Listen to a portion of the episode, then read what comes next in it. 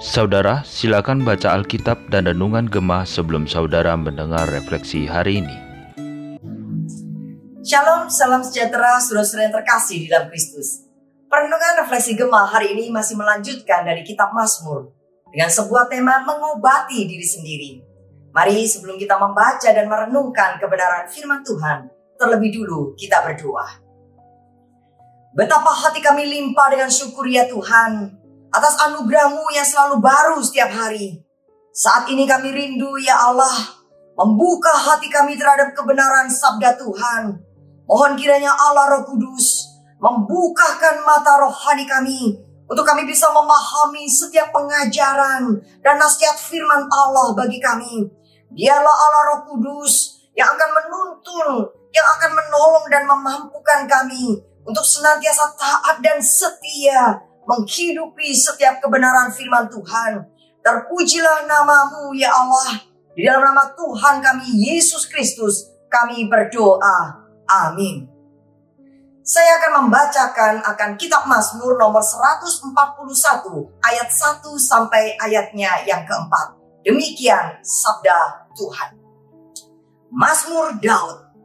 Ya Tuhan, aku berseru kepadamu Datanglah segera kepadaku. Berilah telinga kepada suaraku. Waktu aku berseru kepadamu. Biarlah doaku adalah bagimu seperti persembahan ukupan.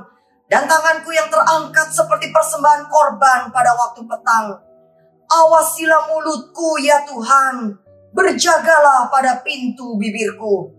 Jangan condongkan hatiku kepada yang jahat untuk melakukan perbuatan-perbuatan yang fasik bersama-sama dengan orang-orang yang melakukan kejahatan. Dan jangan aku mengecap sedap-sedapan mereka. Amin. Setelah saat kita membaca Alkitab, kita akan melihat dengan begitu gamblang bagaimana Alkitab mencatat dinamika kehidupan yang dialami oleh Daud, penulis daripada Mazmur ini.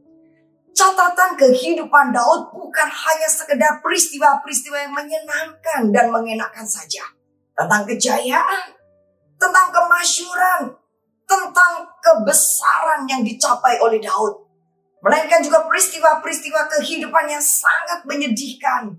Kepahitan, kegetiran, kegagalan, keterpurukan. Akibat dosa yang telah dilakukan Daud di dalam kehidupannya. Sudah perjalanan hidup Daud diwarnai juga dengan begitu banyak penderitaan. Sebelum dia diangkat menjadi orang nomor satu, menjadi Raja Israel. Atau ketika dia sudah menjadi Raja Israel, menjadi penguasa, menjadi orang yang terkenal di sana. Hidupnya itu diwarnai dengan penderitaan, dengan kepedihan, dan dengan kesulitan. Bahkan di dalam perjalanan kehidupannya sebagai seorang raja, bagaimana ia dipaksa turun tata dikudeta oleh anak kandungnya sendiri yang bernama Absalom. Surah ini peristiwa yang menimbulkan kepahitan dan luka yang begitu dalam dalam kehidupan Daud. Saudara-saudara, peristiwa perjalanan hidupnya ketika dia melarikan diri dari kejaran Raja Saul sangat membenci Raja Saul yang iri dan memusuhi akan Daud.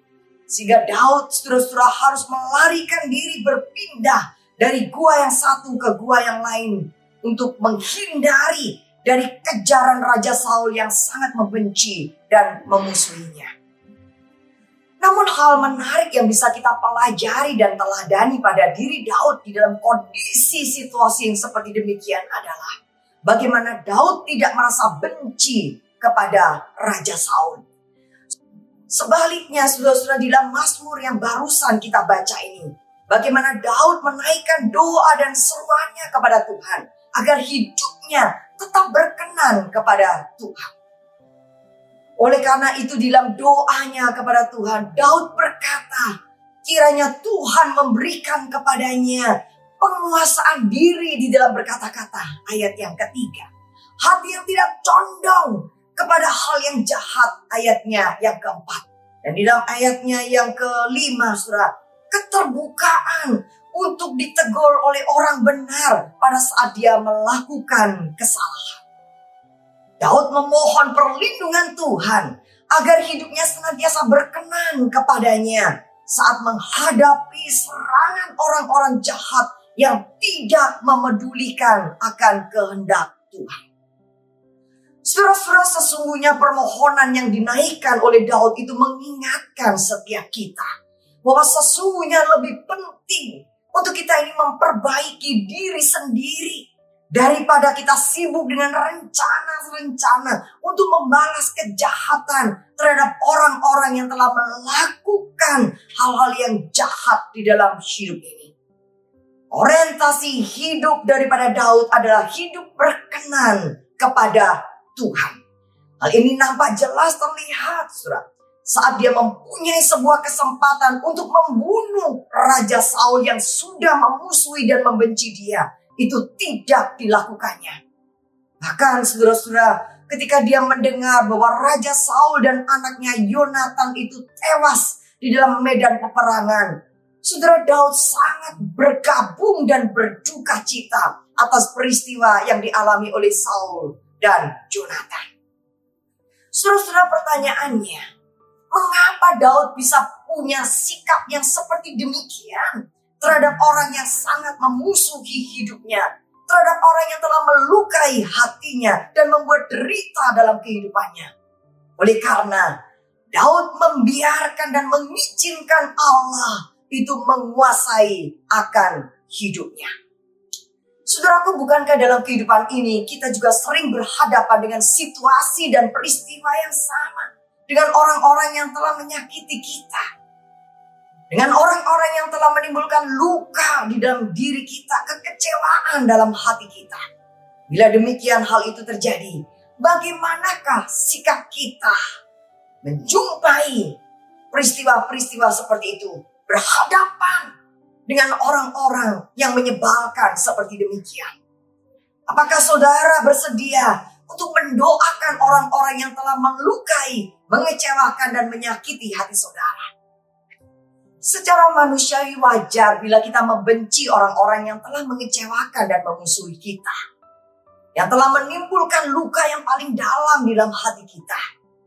Kita ingin agar orang-orang tersebut menerima hukuman yang setimpal dengan perbuatan mereka.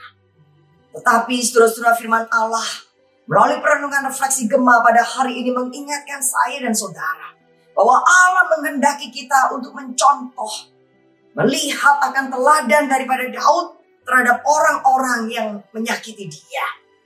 Saudara-saudara berdoa untuk orang yang telah berbuat jahat terhadap diri kita. Itu merupakan sebuah cara ilahi agar kita bisa mengobati diri sendiri di hadapan dia sehingga kita bisa memiliki hati yang mengampuni dan tidak dikuasai oleh kebencian.